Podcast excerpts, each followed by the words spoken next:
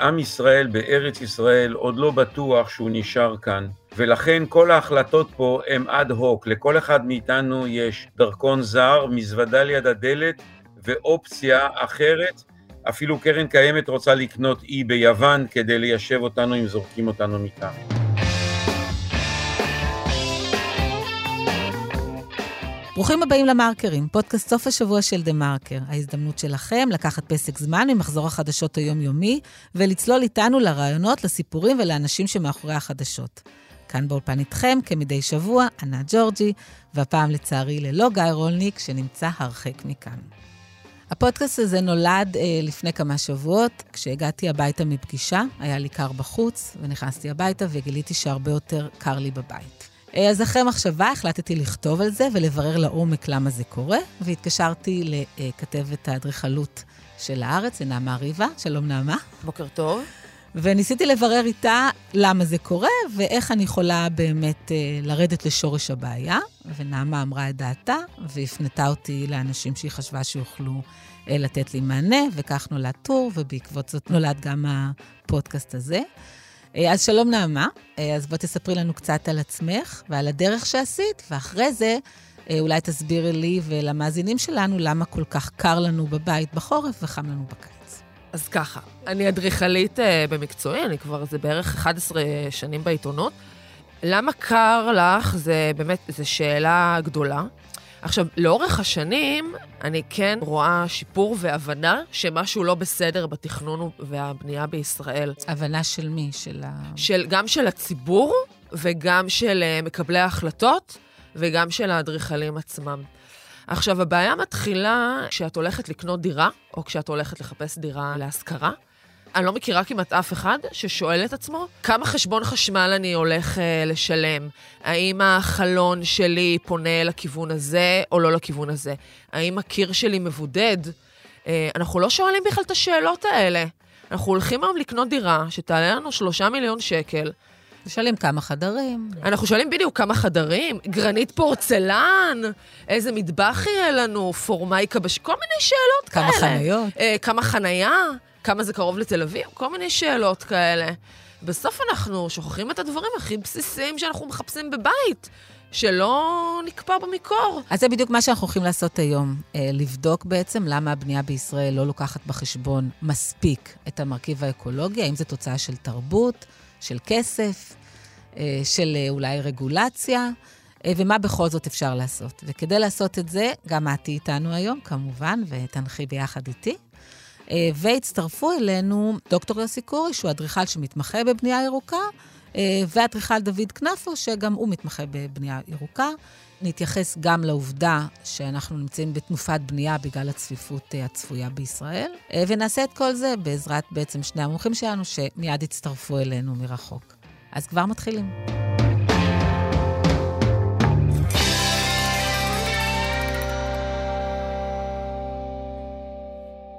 בוקר טוב, אה, יוסי, בוקר טוב, דוד. בוקר טוב לכם. בוקר טוב.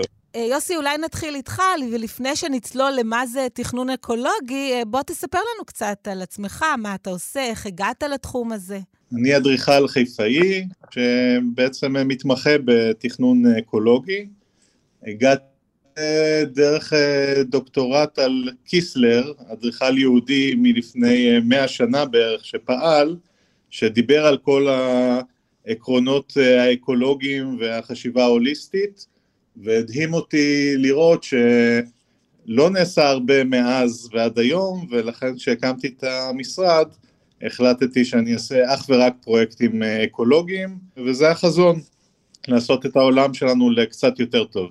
דוד, איך אתה התחלת? אני התחלתי בצורה הכי בנאלית שאפשר לחשוב. אני פשוט זוכר את אימא שלי אומרת לי, כשהייתי עוד ילד, שצריך לאכול את מה שיש בצלחת, כי זה לא בטוח וזה לא מובן מאליו שהמזון קיים, ושהמים קיימים, ושהאוויר קיים. ואם אנחנו נש... נוקיר את סביבת החיים שלנו ונעריך את זה, אז אה, אנחנו נהיה אנשים טובים יותר. ואני חושב שמאז אה, אני הרחבתי את היריעה. ואני מבין שקיימות באופן כללי זה לא מדדים, וזה גם לא תקנים, וזה לא פיקוח. קיימות זה התנהגות אנושית פשוטה, הכרת הטוב שיש על כדור הארץ, וניסיון לשמר אותו לטובת הדורות הבאים. אוקיי, okay, אז, אז בואו באמת נדבר רגע על העניין של קיימות, ויוסי ודוד, בואו תנסו uh, להסביר לנו בעצם מה המשמעות של תכנון אקולוגי. מה זה אומר? יוסי, נתחיל איתך. תכנון אקולוגי, ופה אולי אני טיפה חולק על דוד, כי דוד ואני, אנחנו טיפוסים שבאמת רוצים לעשות טוב, אבל האנושות מוכיחה שהיא לא הולכת בכיוון הזה אם לא אה, עוזרים לה ומודדים אותה ובודקים אותה, ולכן אה, דווקא התקנים והמדדים הם הדרך אה, לראות שאנחנו לא מייצרים סוג של green wash, אלא באמת פועלים בכיוון, והדרך לעשות את זה, למשל בבנייה, זה לבדוק שהמבנה אכן נבנה בצורה שהוא מאוד מאוד חסכוני מבחינה אנרגטית, שהוא יודע לייצר את האנרגיה של עצמו, שהוא משתמש בחומרים אה, אקולוגיים שלא מדללים את המשאבים של אה, כדור הארץ, ועשרות אם לא מאות פרמטרים שצריכים להיכנס לשיקולי התכנון ואחר כך לשיקולי הביצוע, זה משהו שמאוד מאוד קשה רק על ידי אה, אמונה ש, שכולם אה, צריכים אה, לעשות את זה, שיקרה, ולכן התכנון האקולוגי חייב לתפוס אה, אה, במה יותר אה, חשובה בעולם. דוד, מה, מה אתה חושב? אני לא חולק על יוסי. יוסי מציג את הפן המקצועי שאנחנו כקהילת האדריכלים או קהילת המתכננים אמונים על, על, עליו ואנחנו אמורים באמת למדוד את עצמנו וללמוד את הפרקים וליישם אותם בתכנון. אלא שהטענה שלי שהישועה לכדור הארץ לא תבוא מקהילת המתכננים, והיא לא תבוא מקהילת האדריכלים, גם אם הם יהיו כולם מאוד מגויסים למטרה. אני חושב שכדי שנצליח, בטח בעת הזאת, שהכרנו את כל הרכבות האפשריות, בעת הזאת הכדור של הקיימות צריך לעבור לקהילה, הקהילה צריכה לקחת על זה אחריות, וכדי שהקהילה תיקח על זה אחריות, אנחנו צריכים לחנך את הילדים מגיל אפס, שלמעשה כדור הארץ הוא לא יכול לספק את כל הצרכים שלנו באורח החיים שאנחנו מנהלים. ולכן זה עניין חינוכי, תרבותי ממדרגה ראשונה, כדי שנוכל להגיע למה שיוסי אומר, שיפור המדדים הכלליים, כי אחרת אם אנחנו רק נלך על מדידה, זה לא עובד, אנשים לא אוהבים להימדד. ברור, דוד, אנשים... זה, כנראה, זה כנראה צריך להיות שילוב, אבל אני רוצה רגע לפתוח סוגריים ולדבר על מערכת היחסים בין היזמים או הקבלנים למתכננים. מי קובע איזה סוג של תכנון יהיה וכמה הסביבה תילקח בחשבון, וכמה כוח יש לאדריכל להחליט אם זה נכון או לא? ליזמים יש הרבה מאוד כוח, והיזמים הם לא פועלים מתוך גחמה אישית, הם פועלים מתוך שיקולים כלכליים נטו לגמרי. הם באים בשביל להרוויח, וזה מה שמנחה אותם יום-יום. האדריכלים הם חלק מהמחסומים שמנסים לנווט בין הצד הכלכלי לצד הקהילתי או האחריות הציבורית שיש לנו אה, כלפי הסביבה, כלפי הקהילה וכולי. אנחנו, לצערי הרב, חלשים מדי כדי להיות מסוגלים לעמוד לבד מול תרבות הצריכה ותרבות הכלכלית שמנחה אותנו. ולכן אני חושב, כל עוד שלא נבין שהחיים פה הם לא בתוך הפרמטר הכלכלי נטו, וכל עוד שהקהילה הכללית או החברה הכללית ששולחת אותנו לתוך העבודה הזאת לא תגבה אותנו אה, במשימה הזאת, אנחנו תמיד נשרך מאחור. רגע, רגע, אבל אני קצת מבולבלת. אה, יוסי, כשאני דיברתי איתך לפני שבועיים, אמרת לי שזה לא דווקא עניין כלכלי, שזה יותר עניין של מודעות. זאת אומרת שתכנון ובנייה ירוקה הוא לא בהכרח יותר יקר מבנייה רגילה. נכון, אם, אם נשים רגע בצד את האידיאולוגיה ואת התקנים, הכוח המניע של התכנון הירוק חייב להיות, והוא למעשה דה פקטו כלכלי. ברגע שאנחנו חושבים בצורה מעגלית, ברגע שאנחנו חושבים על ההיבטים של הקיימות, ההיבט הכלכלי הוא ההיבט המנצח, וזה מוכיח את עצמו בפרויקטים האקולוגיים המובילים, שאתה מייצר מבנים שהם לא נטל על הסביבה ועל הכיס, אלא מבנים שהם יכולים להיות מאופסי אנרגיה, אפילו מייצרים יותר אנרגיה ממה שהם צורכים, וגם כל תהליך הבנייה הוא כזה שאתה משתמש בחומרים שעולה פחות לייצר אותם והטיב שלהם הוא דווקא יותר טוב. לכן רוב היזמים, לפחות בארץ, לצערי עדיין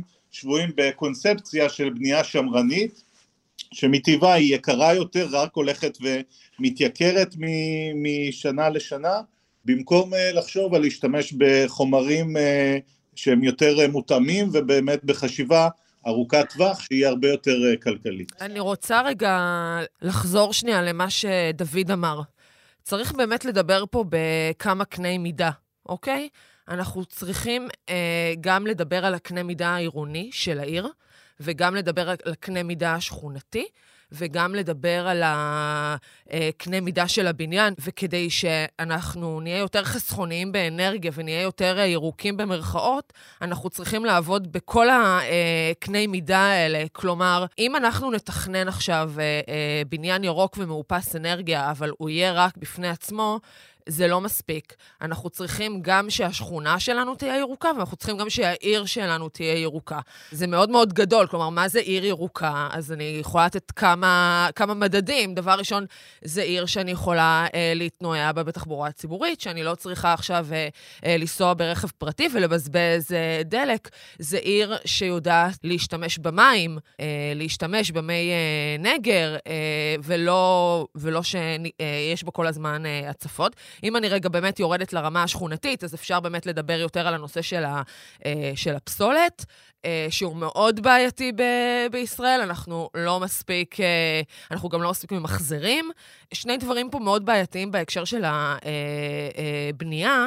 אחד, שאנחנו נורא ממהרים להרוס ולבנות חדש. ושתיים, שאנחנו כבר בונים חדש, אז אנחנו באמת, כמו שיוסי אמר, משתמשים בחומרים מאוד אה, יקרים, כי אנחנו לא יודעים לתחזק. בואי נשאל דוד, מה אתה חושב על, על הגישה הזאת שבעצם אומרת, זה לא יכול להיות משהו מקומי בלבד, זה חייב להיות משהו יותר הוליסטי? אני חושב שנעמה בדיוק ציינה, את, השלימה את הדברים שאני אמרתי. זאת לא בעיה של האדריכלים ולא בעיה של היזמים. הקיימות זה בעיה של החברה האנושית, והיא נגעה על הצד העירוני הכללי, הקהילתי, על התחבורה הציבורית, היא נגעה בנגיעות על כל מיני מרכיבים שהם נחוצים כדי למלא את התשבץ הזה. אם אנחנו רוצים להגיע לחיים מקיימים, אם אנחנו רוצים להגיע לעתיד יותר ירוק, כמו שאתם משתמשים במונח הזה, אנחנו חייבים להתייחס ברמה ההוליסטית לכל המרכיבים, ולכן עם יזם כזה למה, או אחר. למה בעצם, למה בעצם זה לא נעשה, יוסי? אני מנסה להבין, אם זה כל כך נכון וזה לא יקר, ויש לזה רק תועלות, אז למה בעצם זה לא נעשה עד היום? זה כן נעשה, יש uh, אלפי תקדימים uh, בכל העולם, וזה רק הולך ו- ומתגבר. דוד ונעמה צודקים במאה אחוז שהחשיבה חייבת להיות uh, מהקנה מידה הגדול לקנה מידה הקטן, אבל החיסרון של זה שזה משתק את רוב האנשים, כי הם אומרים, רגע, מה הטעם לעשות עכשיו משהו קטן, כשכל העולם בחוץ לגמרי לא בכיוון. ולכן הדרך צריכה להיות משני הכיוונים, גם מלמטה, מהיזמות הקטנה והמקומית, וגם מלמעלה בהיבטים של אמנות בינלאומיות והחלטות ממשלה, וכל דבר לא, לא אמור להיות בסתירה או במקום דבר אחר, פשוט צריך לעשות. משהו מאוד חשוב, אנחנו כן רואים שיפור מסוים, אנחנו רואים יותר בנייה ירוקה. איפה אנחנו רואים יותר בנייה ירוקה? במקומות שמי שבונה הוא גם המשתמש. לדוגמה, בנייה ציבורית, אנחנו רואים בהרבה בתי ספר הרבה יותר בנייה שהיא הרבה יותר סביבתית, הרבה יותר מתאימה למקום, משלבת גגות ירוקים ו- וכל מיני עקרונות. למה? כי מי שבונה, הרשות המקומית היא גם המשתמשת, אוקיי? ואנחנו רואים את זה באמת בבנייה פרטית, כמו שיוסי באמת עושה, אנחנו רואים את זה באקדמיות, אנחנו רואים שזה נכנס לבתי חולים, אנחנו רואים שזה נכנס לכל מיני מקומות כאלה. עכשיו, מה הבעיה עם הבנייה היזמית? הבנייה היזמית בישראל היא, אה, היזם בונה, הקבלן בונה, אוקיי? והמשתמש אה, הוא מישהו אחר.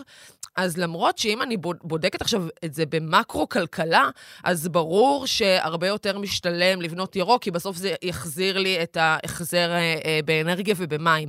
אבל זה לא אותו אה, גורם משלם. הגורם שמשלם הוא לא הגורם שנהנה מזה, בדיוק. ולכן אין לו עניין. אז בדיוק. אני רוצה לקחת את זה עוד צעד ולשאול אתכם מה הקשר, האם יש קשר בין תרבות הבנייה בישראל, שהיא, איך נאמר, שנויה במחלוקת, לבין העובדה שבישראל, בניגוד לעולם, הכניסה של בנייה ירוקה יותר איטית.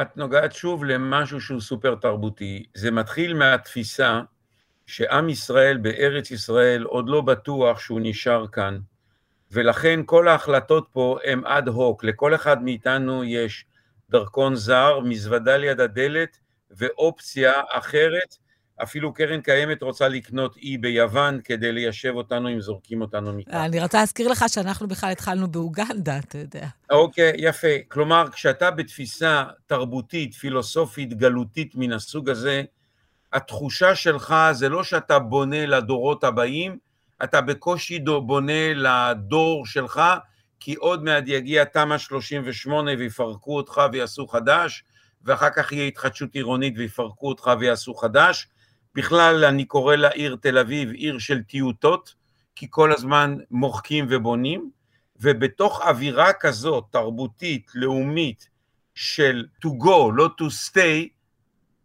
קשה מאוד לייצר אה, אה, אדריכלות או מעשים שהם בתחושה הכללית הם להרבה דורות קדימה. יוסי, אתה מסכים עם העמדה הזאת של דוד, שהתרבות פה היא שאנחנו זמניים? אה, מסכים, אה, אבל אני אומר שגם בזמניות אפשר לעשות אה, דברים אקולוגיים מדהימים, אם, אם נחשוב אפילו על היציאה של בני ישראל ממצרים והיכולת להקים את הבית ולפרק אותו כל יום כשאתה מתקדם עוד כמה צעדים, אתה לא חייב בהכרח לייצר אדריכלות שהיא מונומנטלית והיא נשארת לאלף שנה, אנחנו יכולים לעבוד גם עם uh, דברים הרבה יותר uh, גמישים, ככה שהכל זה עניין של מה האתגר ואיך אנחנו עושים אותו בצורה המקיימת ביותר. אם כבר הלכת ליציאת מצרים,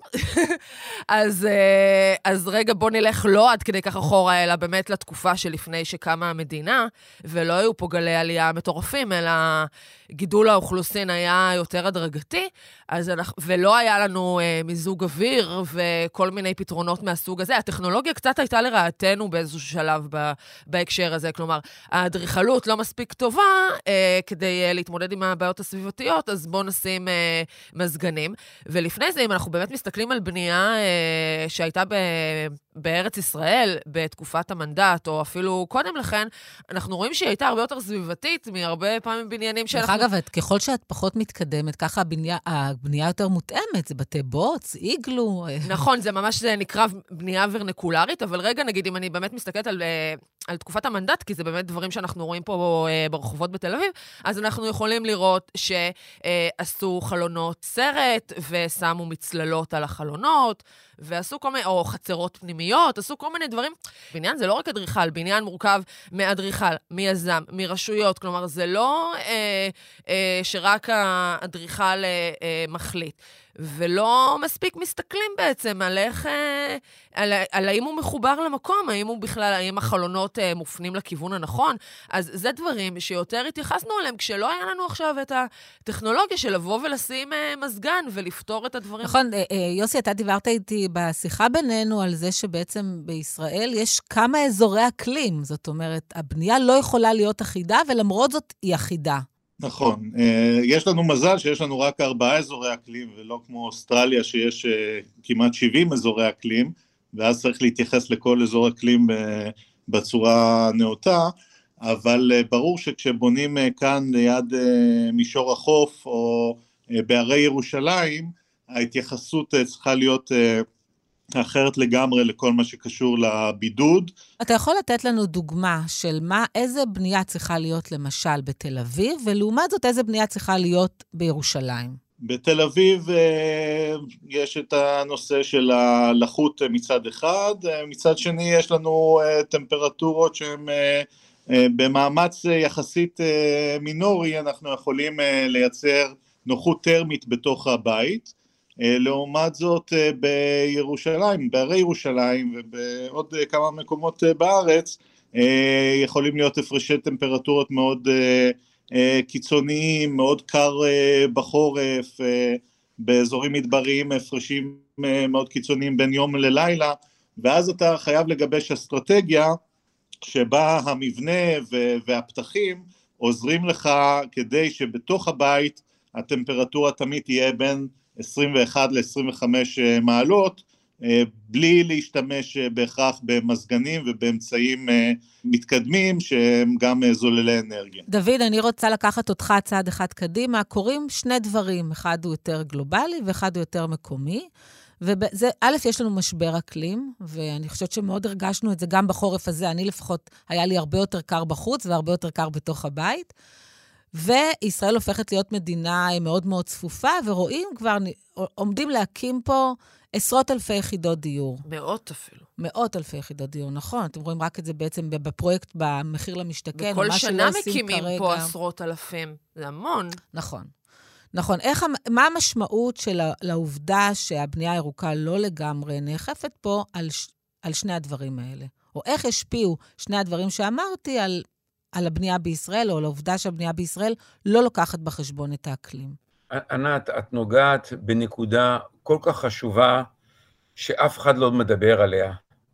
אנחנו כרגע עוסקים רק במצוקת הדיור, ואנחנו מנסים לתת פתרונות הכי זריזים, הכי מטומטמים, למחסור אה, בדיור, והנוסחאות הן לגמרי אריתמטיות. כמה מאות אלפי יחידות דיור אנחנו צריכים לבנות בשנה וכולי וכולי.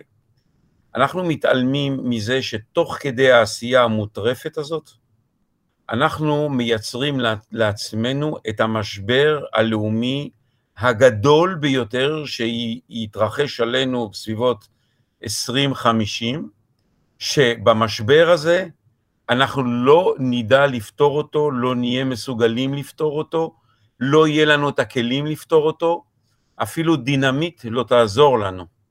כי אם עכשיו אנחנו מנסים לפתור את בעיית הצפיפות לכאורה, אני אומר לכאורה כי זה הכל בלוף, על ידי ציפוף ועל ידי מה שקוראים אה, התחדשות עירונית, או כל מילים, מילים יפות מכובסות ליצירת סביבות מגורים נחותות בהרבה ובעייתיות בהרבה, אנחנו נתעורר בעוד שניים שלושה עשורים למציאות שפשוט אי אפשר לחיות בערים שבנינו, אי אפשר לחיות בבניינים שבנינו, לא מבחינה תחזוקתית, לא מבחינה אקלימית, לא מבחינה עירונית, וגם אני מעז לומר גם לא מבחינה חברתית.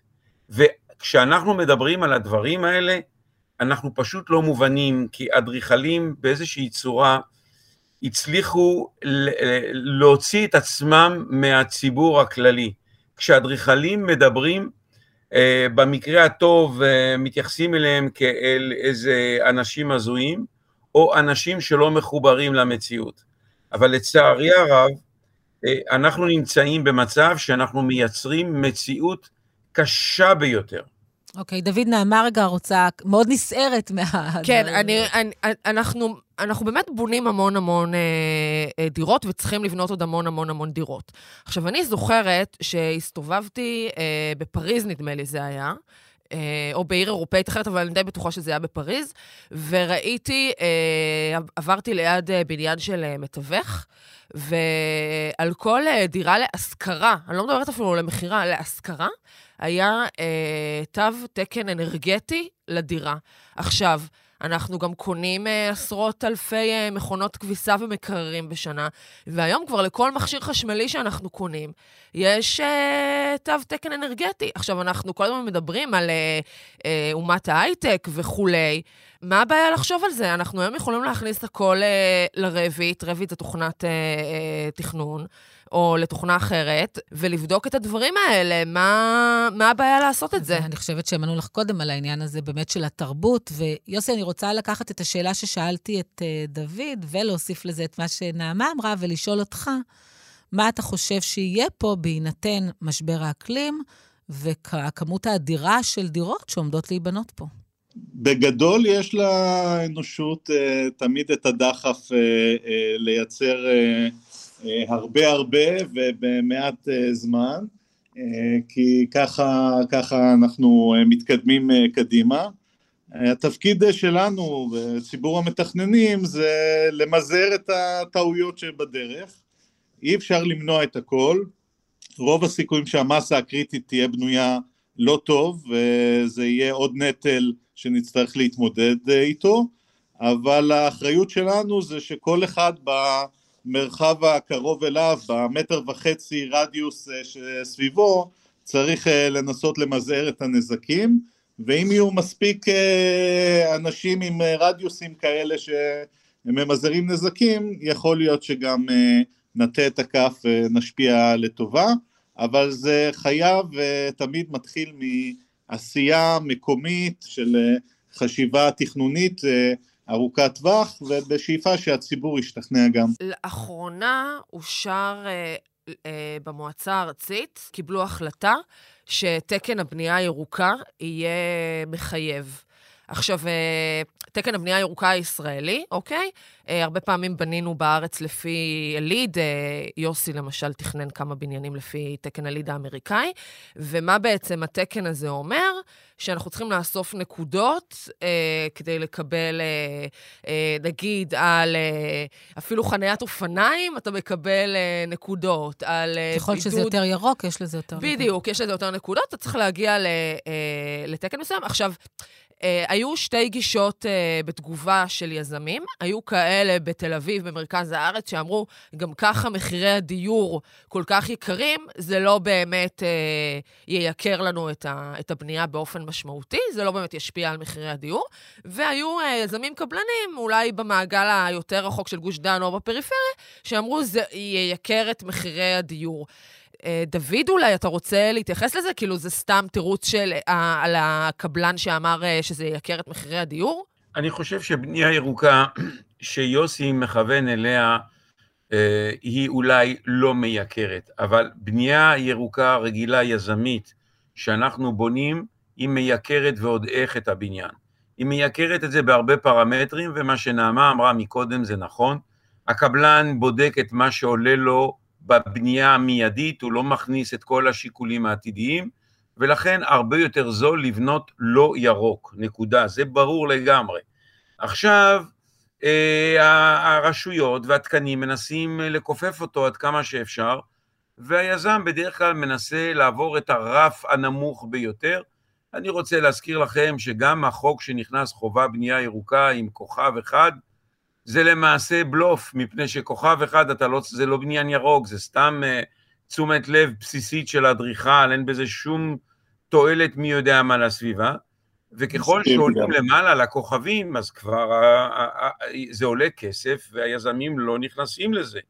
ולכן כאילו, אני, אני אומר לכם, אם אני הייתי יכול להמליץ משהו, הייתי אומר שכמו שבגיל הגן ובכיתה א', מלמדים ילדים וילדות את כלכלת הבית, את המזון לגוף, היה צריך להיות שיעור שילדים מגיל קטן יעצבו את הסביבת חיים שלהם. הם לא צריכים להיות בוגרי הפקולטה לארכיטקטורה כדי להיות מתכננים.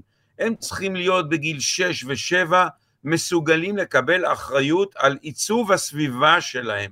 כי אם הם יעצבו את הסביבה שלהם ויבחרו את המיטה באיקאה או במקום אחר לפי פרמטרים ירוקים, ואת השקית של הסנדוויץ' בפרמטרים ירוקים, אנחנו נהיה מסודרים, זה הדרך הכי קצרה.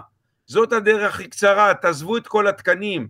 יוסי במקרה הוא האדריכל הכי ירוק שאני מכיר ואני מאוד אוהב אותו ברמה האישית, אבל הוא הקיצון שבקיצון, רוב, ה, רוב הקהילה לא יודעת לא מבינה, לא יודעת ולא לא יכולה להתמודד עם זה. ואסור לתת לנו את האחריות על הדבר הזה. צריך להוריד את האחריות לכל אזרח מגיל גן. יוסי, משפט אחרון שלך בעניין הזה? אני חותם על כל מה שדוד אומר. אז אה, יוסי ודוד, אני מאוד מודה לכם על השיחה הזאת. תודה לכם. תודה.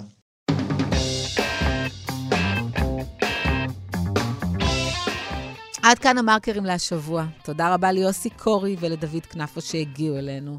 תודה רבה לך, נעמה, שבאת לפה ביום הגשום. תודה לשני אבירם. תודה רבה לדן ברומר ולאמיר פקטור. ותודה רבה לכם, המאזינים שהייתם פה. בשבוע הבא גיא רולניק יחזור, ועד אז אתם מוזמנים להצטרף אלינו בספוטיפיי, באפל, בדה-מרקר ובהארץ.